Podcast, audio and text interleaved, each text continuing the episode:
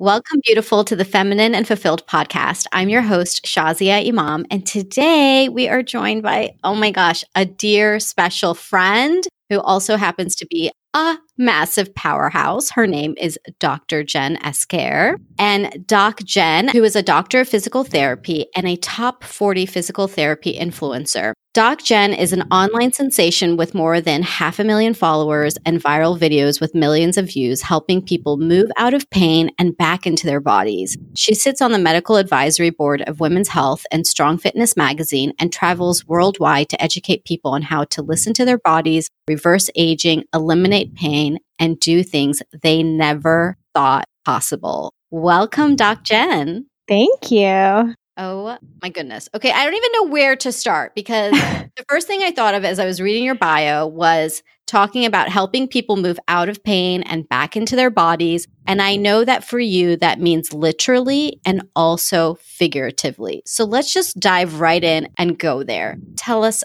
about that. Yeah, well, I like to say, you know, there's a body conversation that we get to have with our body. So part of every conversation is there's three parts. That's what I said. So there's the external conversation of what someone else is saying to you. And that's what we take for fact a lot of the times. Like, oh, well, your dad has high blood pressure, so you're going to have high blood pressure. Or this is, you know, like we take on these, whether they're genetic stuff or whether it's what your doctor, oh, well, this is your back, so you can't move anymore. Or you, you shouldn't be lifting or you shouldn't be doing this. And we take this on as like, oh no, now I can't do that. I can't do this. And it becomes fearful of movement based on what someone else tells us about our body. And then there's the internal conversation. So there's the listening part of a conversation of what we're taking in from someone else and internalizing. And that could be, oh, I can't lift my arms anymore. I can't bend my back anymore. I can't, I can't do this. I can't touch my toes. I can't. And it's like so much of like, what are you telling yourself and internalizing that you're making up about your body? Or I will never be able to do that, or I can't do that, or, you know, it, and it becomes this conversation that we internalize. And then the part that I love to go into because I think this is the most important part of a conversation is the listening aspect. Because when we're in conversation with someone else, we're saying, you're worth listening to. But I don't think that we do that for our bodies enough and say to yourself, you're worth listening to. And instead, what we've done and we've been taught is to mask, like, oh, something comes up. I need, how can I cover it up? How can I make it go away right now? How can I ignore it or just work through or push past? Or, you know, we're not taught how to listen. Even as kids, like I was listening to another podcast and it was a woman who works with kids a lot. And she was like talking about how even when you're a kid and your mom's like, take two more bites. And it's like, what if they were full? and they weren't taught how to listen to their body because it's what you have to do. Mm. And so it's like going back and listening to what your body is telling you, listening to what it actually needs.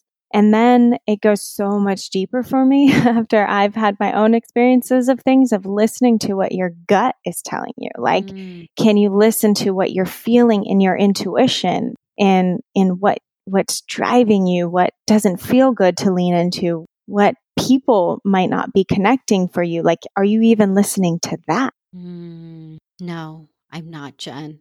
I'm like. Jen, I am not. I need help. well, tell us, tell us your journey of listening and what brought you into the work that you are now helping so many others with. For me, I was always, I was first fascinated just by the body. I loved learning about anatomy and you know, things like that. And I started coaching gymnastics when I was a senior in high school. And from there, it was like, it was such a cool experience. And I got to do a lot, but it was also like, well, why am I taping an ankle? Or why am I doing this? And so there was still this fascination with the physical body. And then I started working as a physical therapy aide and I became again fascinated with like, well, what is the therapist watching when they're looking at movement and what are they feeling in their hands? And it was like, it was such this fascination with the physical and how can we adjust movement? I became a Pilates instructor, but again, rather than like I can modify around pain and I can get people to have a good workout and not, you know, hurt their wrist or hurt their back or hurt their knee or whatever was happening at the time. But it was also like, but why are these things happening? And is there more that I could be doing with that person? So it was always so focused on the physicality. And then once I, you know, went through PT school and really started working with a lot of people and working with all types of humans, then it, it became more about like, oh my gosh, some people, especially when you're working with outpatient, meaning a client who's just going into a private physical therapy office, you know, not someone who's in the hospital or anything like that. But usually it's like, oh, well, I get knee pain after running five miles. And you're like, but do you get that you can run five miles? Mm-hmm. and there's a lot of people who can't. Or like, oh, your feet are sore when you get up in the morning. Like, okay, that's a real thing we get to address, but you get up in the morning. You can walk on your feet. You can stand. Like, we forget about things that we take for granted so often. And usually people are coming in because they've taken that thing for granted and now it's finally an issue that's screaming at them. But we didn't take the time to listen before. Mm. And working with people who have had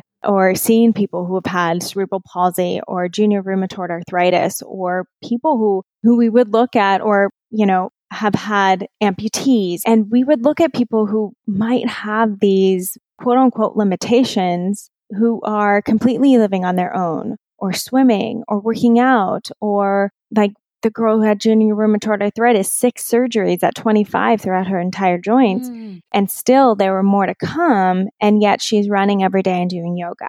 She has a boyfriend and, you know, can barely open her legs, but is figuring it out. Mm. and it's, it's so inspiring to be like, these are the people who are focusing on like, okay, this is happening, but this is what I still can do. Mm-hmm. When really the people who I see a lot are so capable, so able, so adaptable, and yet they're focusing on what they can't do and what they don't have. And we get so wrapped up in this message of what I can't do or what's no longer possible or what we think is no longer possible. And we let go of the things that we actually like, we can do and you can mold. And maybe you can't touch your toes right now. And maybe it's been a couple years, but you can. And if we actually allowed you to step into the places where you're neglecting, you're not listening to anymore because, like, oh, hamstrings feel tight, so I'm just not going to touch my toes anymore. Oh, my back feels tight, so I just won't move as much. I won't bend as much. Well, you're now starting to neglect these things. And that doesn't go away. It just gets worse until finally it's at the point that you're screaming at you and you're going to the doctor and you're trying to, a chiropractor and a physical therapist and all these other people, but it's not getting better because you've neglected it for so long. And it's like we come to the point where we just want the quick fix. But that's not how our life works. That's not how anything in life works. Why do we expect our body to work like that? Like if you're going to build a business, it doesn't just work overnight. You know, we can't just snap our fingers and have this thing that we see on TV. It doesn't work like that typically for most people, right? Mm-hmm.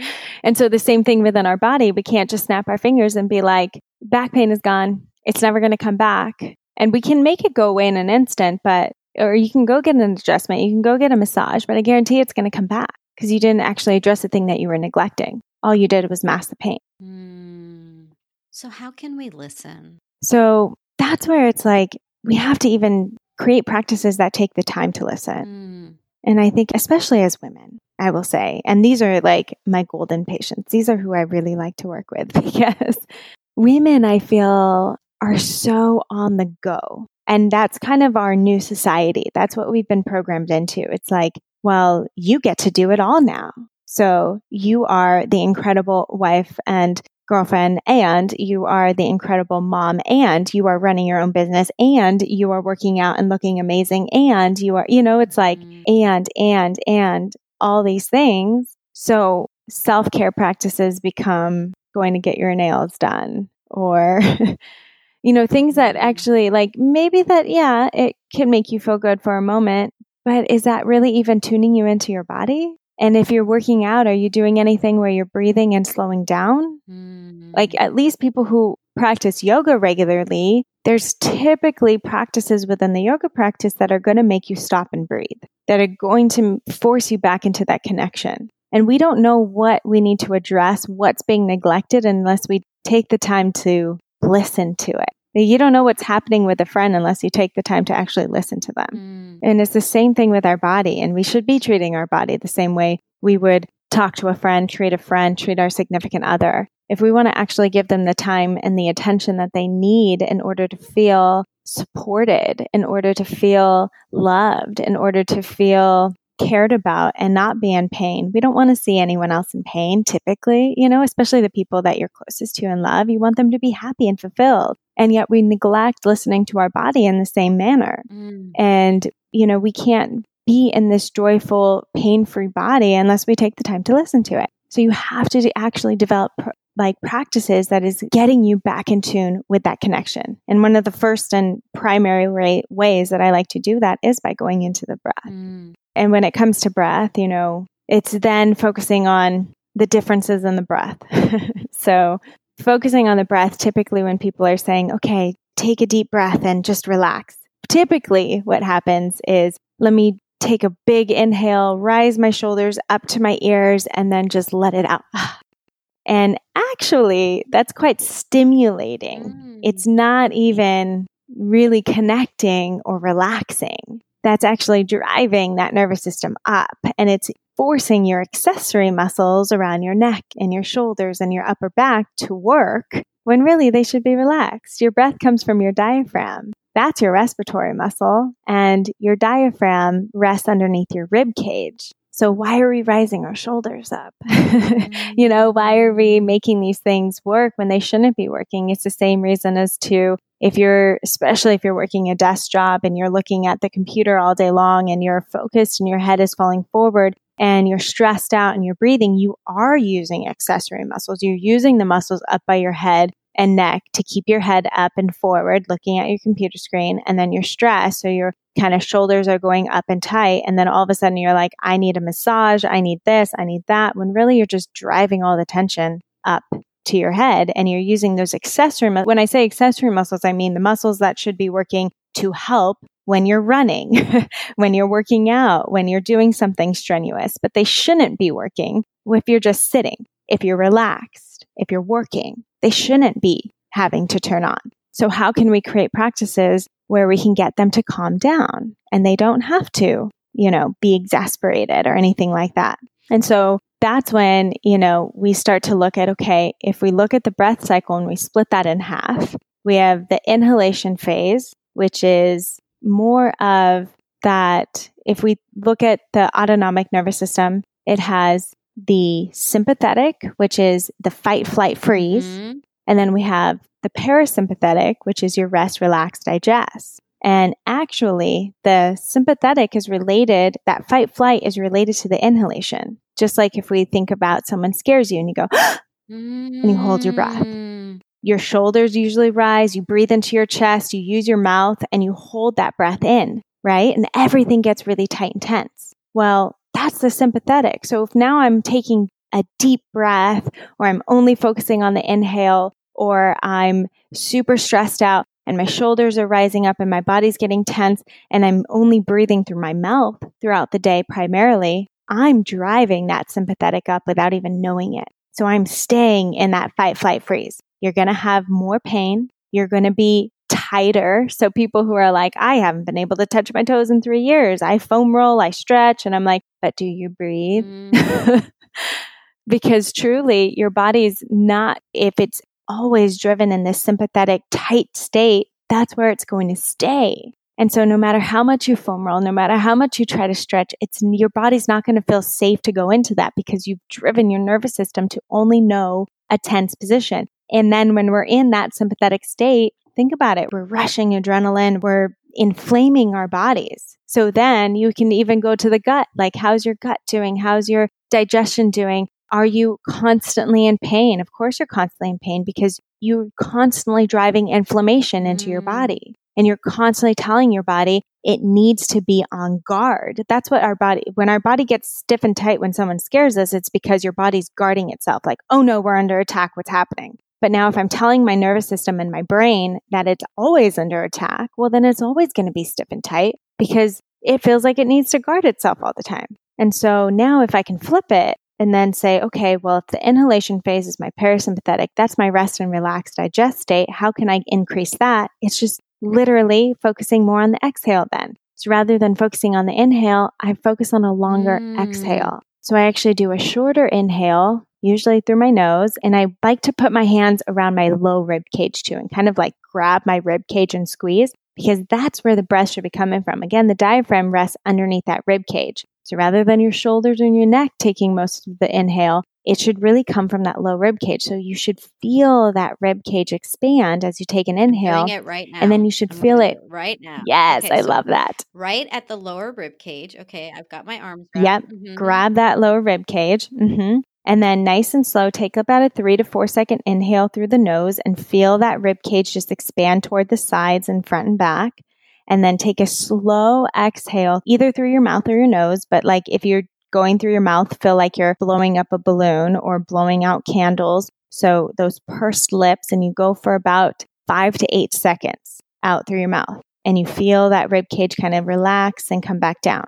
What should also be relaxed is your belly. And especially if we talk about people who are hammering posture or you want to look a certain way or aesthetics or chest up, usually what we're doing is we're holding in our stomach and we're flaring that rib cage up and forward, which isn't actually good posture. If you want to get yourself to breathe and actually be in alignment and get your pressure system, which goes from your pelvic floor, your low pelvis area, all the way up to your shoulders or all the way up to your neck, really, we need that whole pressure system where the air comes in and out to be aligned. So you don't want your rib cage sticking forward. You actually want it to be stacked on top of that pelvis. You want the rib cage to expand front, sides, and back as you take an inhale, and you want it to collapse and allow that belly to relax and allow it to move with you. So when you breathe, it's not just a belly breathing, it's not just pushing your belly out, but it's relaxing it. And it's actually moving from that rib cage and getting those those intercostal muscles around your rib cage to work again and wake up. Like usually they're so stiff, they don't even know how to wake up, or we don't know how to expand around our bellies because they've been conditioned, especially as women,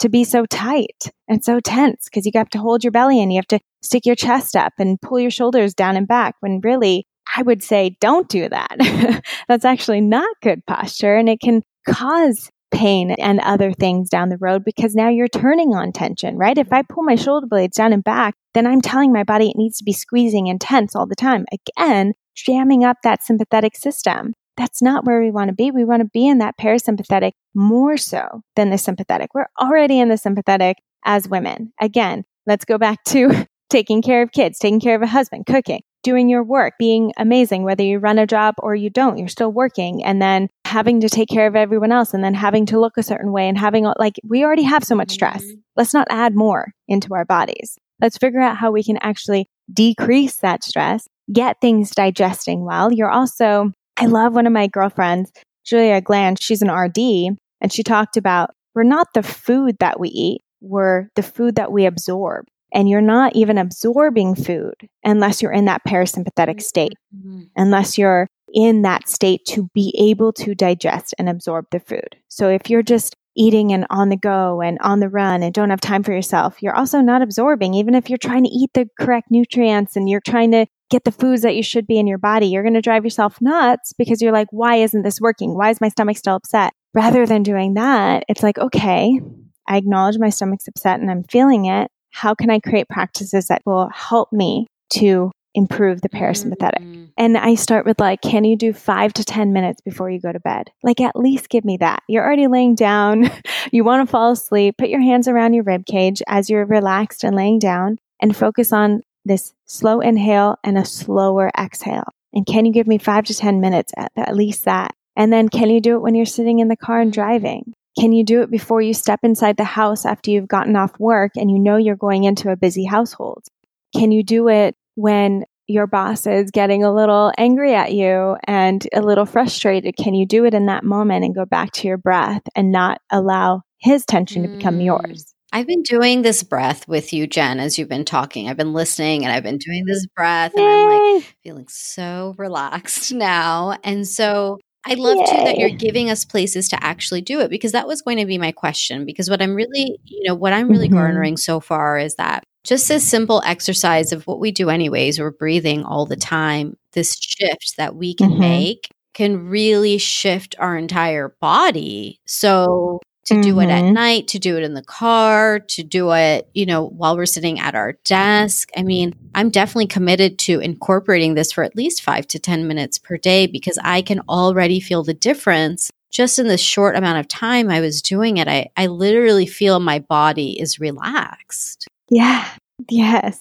And that's the number one thing. We're usually not even allowing the body to get relaxed. So how do we how are we supposed to build on top of an already tight body? That's like contracting your bicep and then trying to do bicep curls from a contracted bicep. Mm. And the other thing that you spoke about too, Jen, and I just want to be clear because posture is something that I don't have a good posture. And I have always thought, oh, I should stand up straighter and I should do whatever. But I'm really resonating with that, mm-hmm. this idea of the what we've been taught doesn't really work because it does feel uncomfortable too. I think our body does tell mm-hmm. us what's mm-hmm. comfortable and what's not. So, what do you recommend for good quote unquote posture?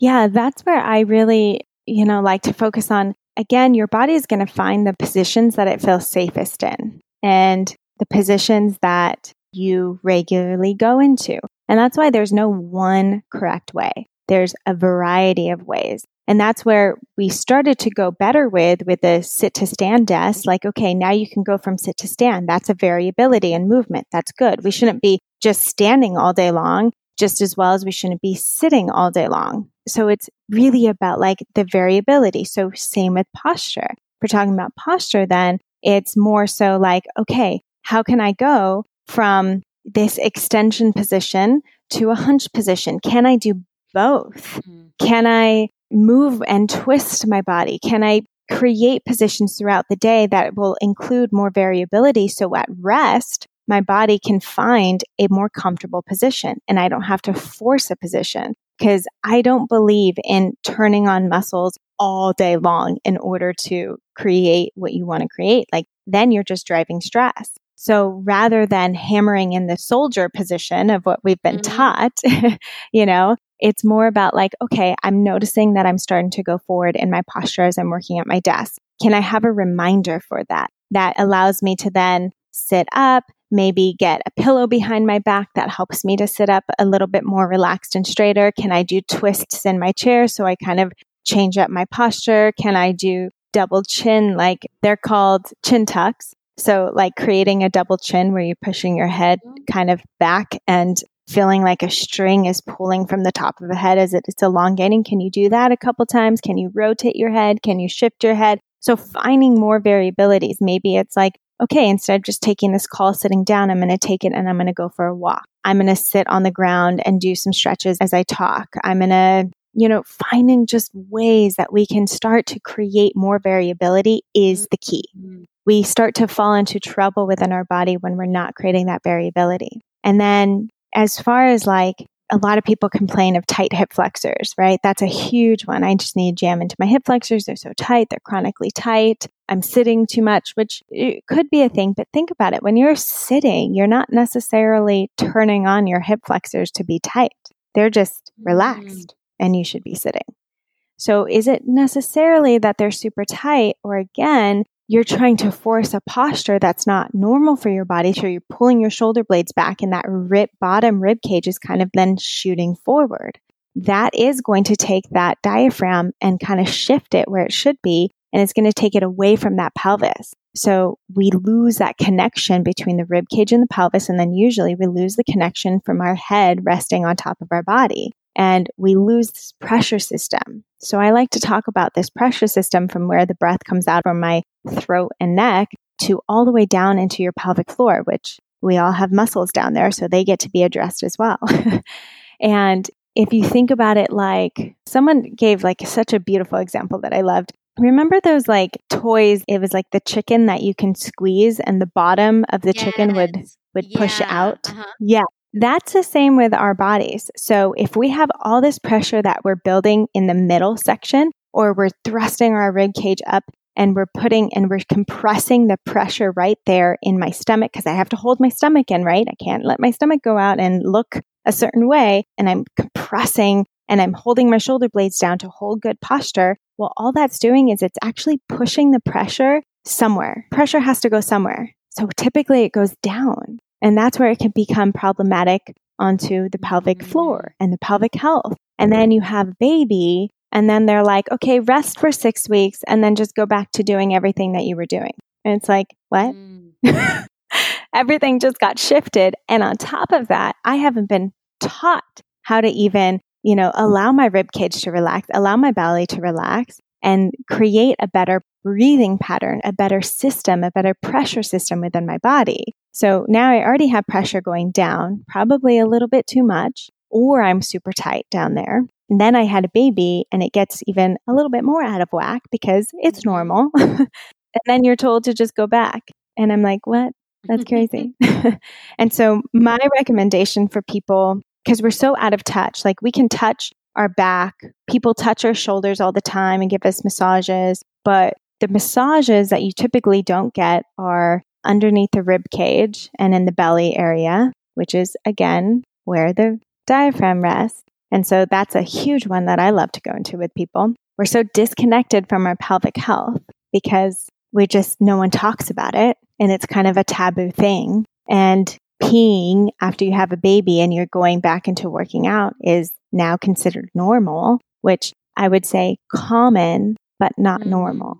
And it doesn't have to be normal. And so realizing that like these things happen. So how can you start addressing it? My number one recommendation for any woman, if you've had a baby, haven't had a baby, anyone, go see a pelvic floor therapist just so that we can find connection to that pelvic floor again. We have muscles down there that we don't even know about. And Kegels aren't just the thing to do because again, the pelvic floor is connected to the breath and it's connected to the, your posture and it's connected to your pressure system. It's connected to your glutes and to your core and to all these other places. So you want to build good, juicy glutes like everyone wants, right? We need to also know what's happening at our pelvic floor. We mm. also get to know what's happening with our rib cage and our diaphragm. And so having that connection and actually understanding it within your body is so mm. powerful. And it sounds like the pelvic floor work can also have some very beneficial side effects. oh, yes. 100%. we will save that for another episode. yeah, exactly. We'll just let you think on that one. oh my goodness. So, you've recommended the pelvic floor therapist, but I'm I'm curious to go a little bit deeper with you talked about the massage of mm-hmm. the lower rib cage and the belly. Is that something that mm-hmm. you can do on your mm-hmm. own or do you go to somebody? Because you're right. I mean i've never had a masseuse massage me there. Like it just doesn't even it seems not luxurious at all. Like my belly feels like something i don't want somebody to touch. So how can i do that? Exactly.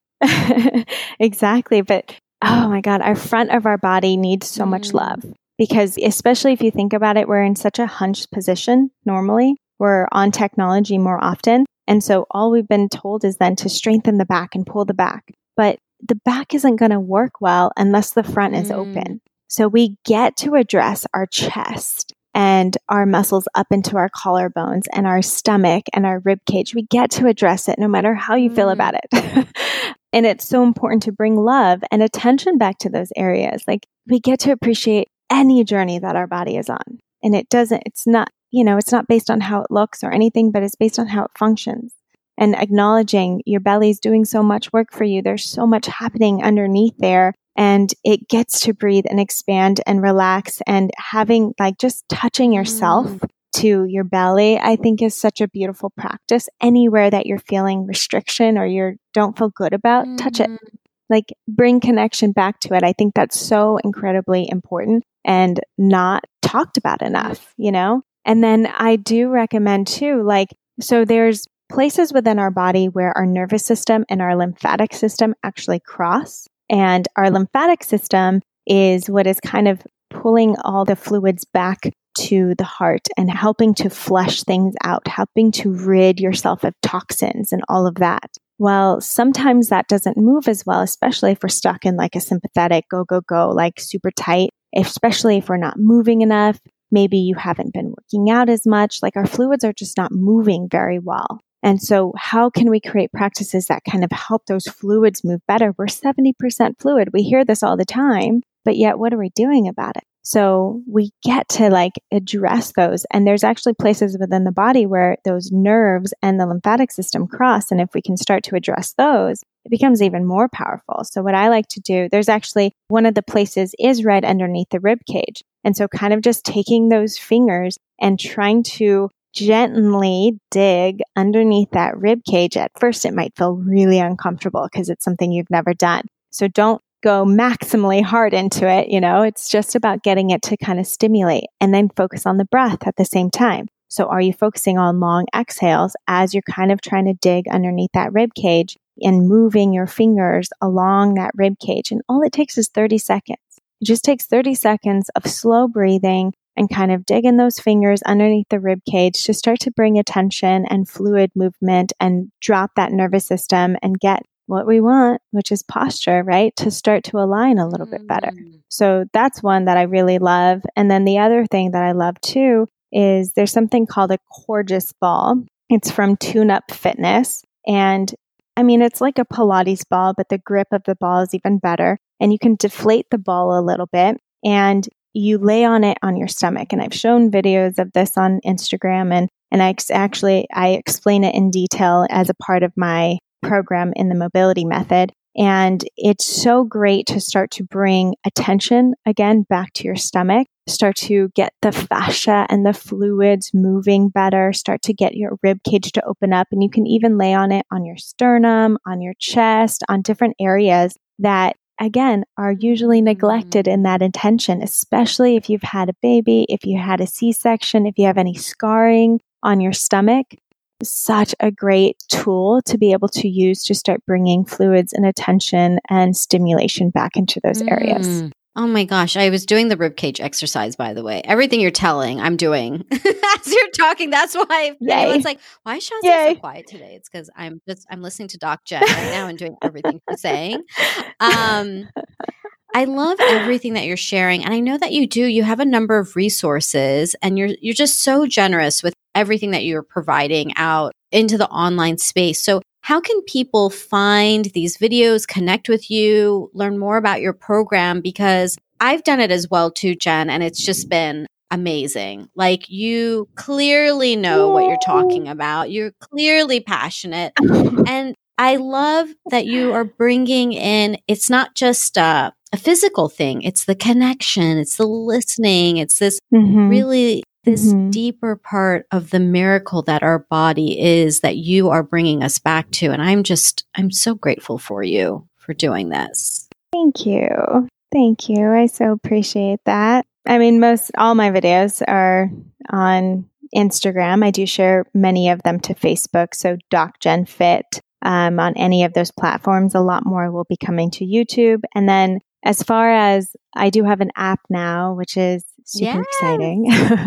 and that's Doc Jen Fit, the optimal body. And Doc Jen Fit is all separated and it's not one word, but if so, if you look it up in the App Store, you won't just find it under one word of Doc Jen Fit, but separate it out and you should find it. And it's actually all the videos I've ever posted on Instagram, but Ooh. organized for you. And I get so many questions of like, well, what about this shoulder thing? Or what about this back thing? Or what about this? And and I'm like, well, it's there, but you'd have to scroll through. and so now it's the ability to have it all organized in one perfect place for you. It literally is broken up into every little category, even a breathing category. So there is a breathing category on there as well. There's like anywhere from low back pain to SI pain, knee pain, IT band syndrome, like all the things that you can think about, it's there. I promise. I've addressed basically everything. So it's exciting to have it all in one place. And then if people do have access to my programs, the Optimal Body is on there, which is a membership where people get me in full detail. So it's a very much an educational platform to learn about more functional style HIIT workouts, mobility flows for every portion of the body, core stability workouts and what the core actually means and how that works with your pelvic floor and your pressure system. And then I go over mindset mm. tools every month mm. as well. So it's just like my place to give people and provide more education because there's only so much you can give on online on Instagram. There's only so much information. There's only so many people who will see it. And so if you do want the ability to continue to learn with me, that's a great tool that I oh highly recommend. Gosh. Okay. First of all, I highly recommend Doc Jen. If you are listening and like, oh my gosh, I love her. Yes, this is this is who she is. Like, I mean, I, I met you in person. I'm like, I was telling, I was literally telling you to tell your boyfriend how amazing you are. I think I did. Did I yeah. do a video for him about how amazing you are? yeah, we did.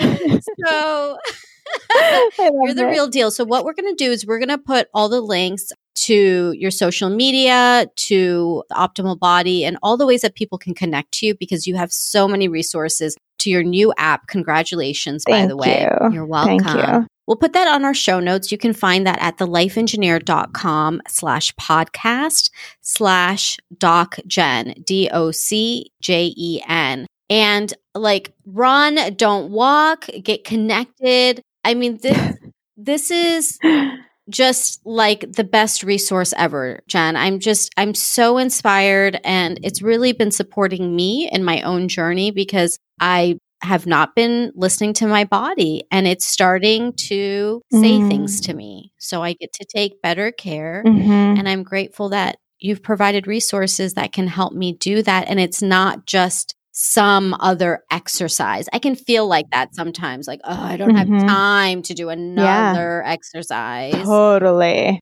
Oh my yeah. God, I get it. and to just something as simple as the breath work and realizing that that contributes to the miracle in the way that our bodies were created. And I can do that on the daily and really support myself. I mean, mm-hmm. just for me to mm-hmm. start there is a game changer. Oh, yeah. That's everything. And then I get it, you know, like I don't have time. I don't have time to add another thing into my life. I get it for the people that I'm trying to reach. No one's going to do it if it's going to take an extra mm-hmm. hour of my day. And so I always say, what are the ways that you can sprinkle it in? Like, can you find areas of your body that you might have been neglecting your hips, your back, your feet, whatever that may be. And can you sprinkle in one movement mm. before you get mm. out of bed? How about one when you're at your desk and you need to move and get up? Two before you work out and it becomes your warm up. One before you go to bed. And then all of a sudden you have a whole routine for mobility and you didn't have to spend an hour doing it. That's where it becomes key. It's more about the sprinkling and the consistency. It's not like we don't like brush our teeth for an hour every week and then think that that's going to be the thing mm-hmm. that that fixes our teeth or prevents cavities. We have to do it every single day, multiple times a day. And it's the same for your body. Why would I expect it to be any different? And so, especially as we get older, it just it's the quality of life and that's okay. That's our physiology. And so starting to accept that rather than fight it and then have mm-hmm. compassion for it. Like we don't know what we don't know, right? And so if you didn't know that there was a place that you weren't moving into or you were neglecting, that's okay. Don't beat it up because that's not going to help anything. But like then having compassion, like, okay, I didn't know that I could just do a couple exercises and it, it would help me. I didn't know that there was better ways to work out or to start to listen to my body. I didn't know. And that's okay. And like even I love that. Like my sister uses the optimal body and she's a mom of three, works full time and goes to stroller strides on top of that. And then she wakes up in the morning before her kids get up and she does the 30 minute HIIT workouts and they fit into her life. I've been scolding her to get more of the mobility workouts in her life as well, but she's at least doing some. so it's just, it's finding those little ways, those little times, those little commitments and recognizing why I'm doing it. Like I'm doing it because I have this body that still works. I'm doing it because I do have the capabilities to adapt and I still get to stand up straight and I'm not older and I have the muscles that can change and get stronger and adapt. So why wouldn't mm. I? And it's acknowledging these things rather than tearing them down. Yeah. And you said something so beautiful at the start of the podcast, too, about the listening and listening to your body because you're worth listening to. I loved that. Mm-hmm. Thank you. Yeah, it's just like it's helped me and in ways that I couldn't even imagine. I mean, I got shingles last year because I was not listening to my body. oh my gosh! And can you, you know, so it's shingles to people who may, may be hearing about it for the first time. Yeah, it almost looks like chicken pox. It looks like a rash. Shingles can go anywhere, but it typically is along like the rib cage and stomach area because it's along this nerve pathway. And because it's along these like sensitive superficial nerves, it usually causes a lot of pain. And typically, shingles is an autoimmune disease that happens out of stress. I thought it was just chicken pox again as an adult. Mm-mm, it's stress. so luckily, I don't know how, but I got it without having the pain. So I got very lucky in that way. But I thought it was like more of like a heat rash from like wearing workout shirts for too long or staying sweaty for too long. And because I've had that before on my stomach. And so I kind of like tried to rub cortisone cream on for a month and it still wasn't going away. So I finally went into dermatologist and she was like, Oh, shingles. And I'm like, Oh, great. like I knew I was stressed. I just didn't know I was this stressed. Wow. And, and again, it was like, okay, I was neglecting me. I was neglecting way deeper because I have scoliosis. I have certain like misalignments within my body, but I don't have pain. I don't have physical pain. I can lift, I can run, I could do all the things. And I talk about this all the time. Like I have knees that look like they should be in pain. I have whatever, but I don't have pain. So I know how to move out of those. But I wasn't listening to the deeper portion. I wasn't listening to the things in my life that my relationship. I wasn't listening to myself on that deeper level of trusting that something was not right. Mm. And I wasn't using my voice to speak into that. So I was allowing stress to be compounded and I allowed shingles to happen in my life. Mm. And that's because I was neglecting me and I was neglecting listening deeper and I was neglecting listening to what I really needed and voicing and voicing that and being strong in that and being certain in that. And what really opened up for me was like, oh wow, like I get to trust myself. Like that feeling, that gut feeling, that intuition when something doesn't feel right, I get to speak into mm. that and own it and know that I can trust myself. And there's such a freedom in knowing that you can trust yourself and your gut gets to be heard and leaning into that and really, really being in that. And so that was like, I still have scars on my rib cage area from shingles and I actually love it because it's mm-hmm. like my tattoo now. It's like my, my reminder of always living in my truth and always trusting myself. Yes. Oh my goodness. Oh my goodness. And if somebody uses their voice, it's you. And it's, you know, it's, I know that you've been through a lot, Jen, and you using your voice has been such a support to all of the women, all of the people who needed to hear what you had to share. And I'm glad to hear that it was healing for you as well. Yeah, that was massive. I realized, you know, a lot of us I mean, I went through an experience, you know, of, of being cheated on and finding all of that out. And it was, and then it was like, oh, well, I have to. And oh, this happens. Oh, it, and it's like, well, mm-hmm. why? And why isn't anyone talking about it? And why is it such a shameful thing? And why does it happen again and again and again? And how can we start to bring truth to the surface more and speak into the things that we learned and speak into the things that we were neglecting and speak into the things that we get to step mm. into? And that's why I wanted to bring it to the surface. It wasn't to cause drama or anything like that. It was like I learned massive lessons. And there is no shame in learning lessons and sharing your story and owning your truth. Absolutely no shame in that. And I want women to feel that and lean into that and look deeper into themselves and own exactly who they are and who they want to be. Mm. And if you were to give, I know that there's someone out there hearing this and just really resonating, what would be that one thing to tell her to give her that advice? I would say trust yourself. Like if something continues to come to the surface, if the same things continue to get talked about, but you're feeling crazy, journal it, talk about it, own it. And not owning it by screaming it out, you're not going to be heard that way. So, how can you effectively start to own it and voice it in a way that's powerful mm. yet heard?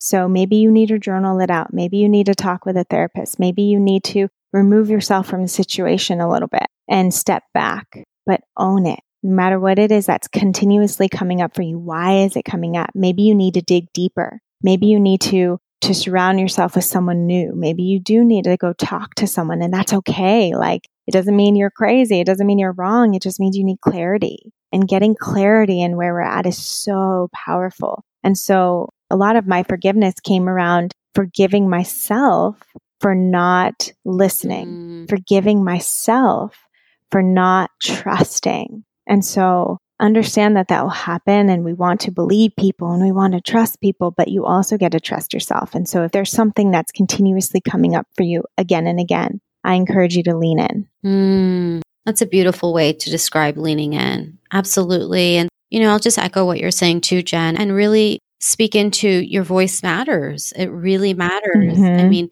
you've exemplified it, Jen, in your own life, and especially because you do have a large audience. So it's very impactful. But whether there's even somebody on the other side listening or not, what you have to say for the woman who's listening is important and your voice matters. And you Yes. may even think that nobody hears you, but the person who needs to hear it will. And you allowing your voice to be heard is part of your journey as well. I mean, I really believe that that's a part of using our bodies too. Our voice is such an important part of it. And Mhm. even this platform I have, it has been to share my voice. It's been to share my truth and what I have to say does matter. And when I see the impact it's had, I never would have imagined that it'd be listened to worldwide and by people I may never even meet. But I know Yeah. that there's somebody on the other side. I know, and I feel so good to know that there is somebody out there who is hearing something, whether it's from you or from me or any of my guests, that is going to impact her life in a positive way. Then there's nothing more rewarding than that. Yeah, totally. So I so appreciate you, Doc Jen, coming on, sharing these strategies, and then taking it deeper and deeper and deeper and deeper. I just, oh my gosh, I don't want to end this conversation, but we have to for today. for today. I know. We'll continue again. But I really appreciate you coming on. And again, for everybody listening, just Doc Jen is who you need to have in your back pocket. oh, thank you. So thank you so much. Thank you.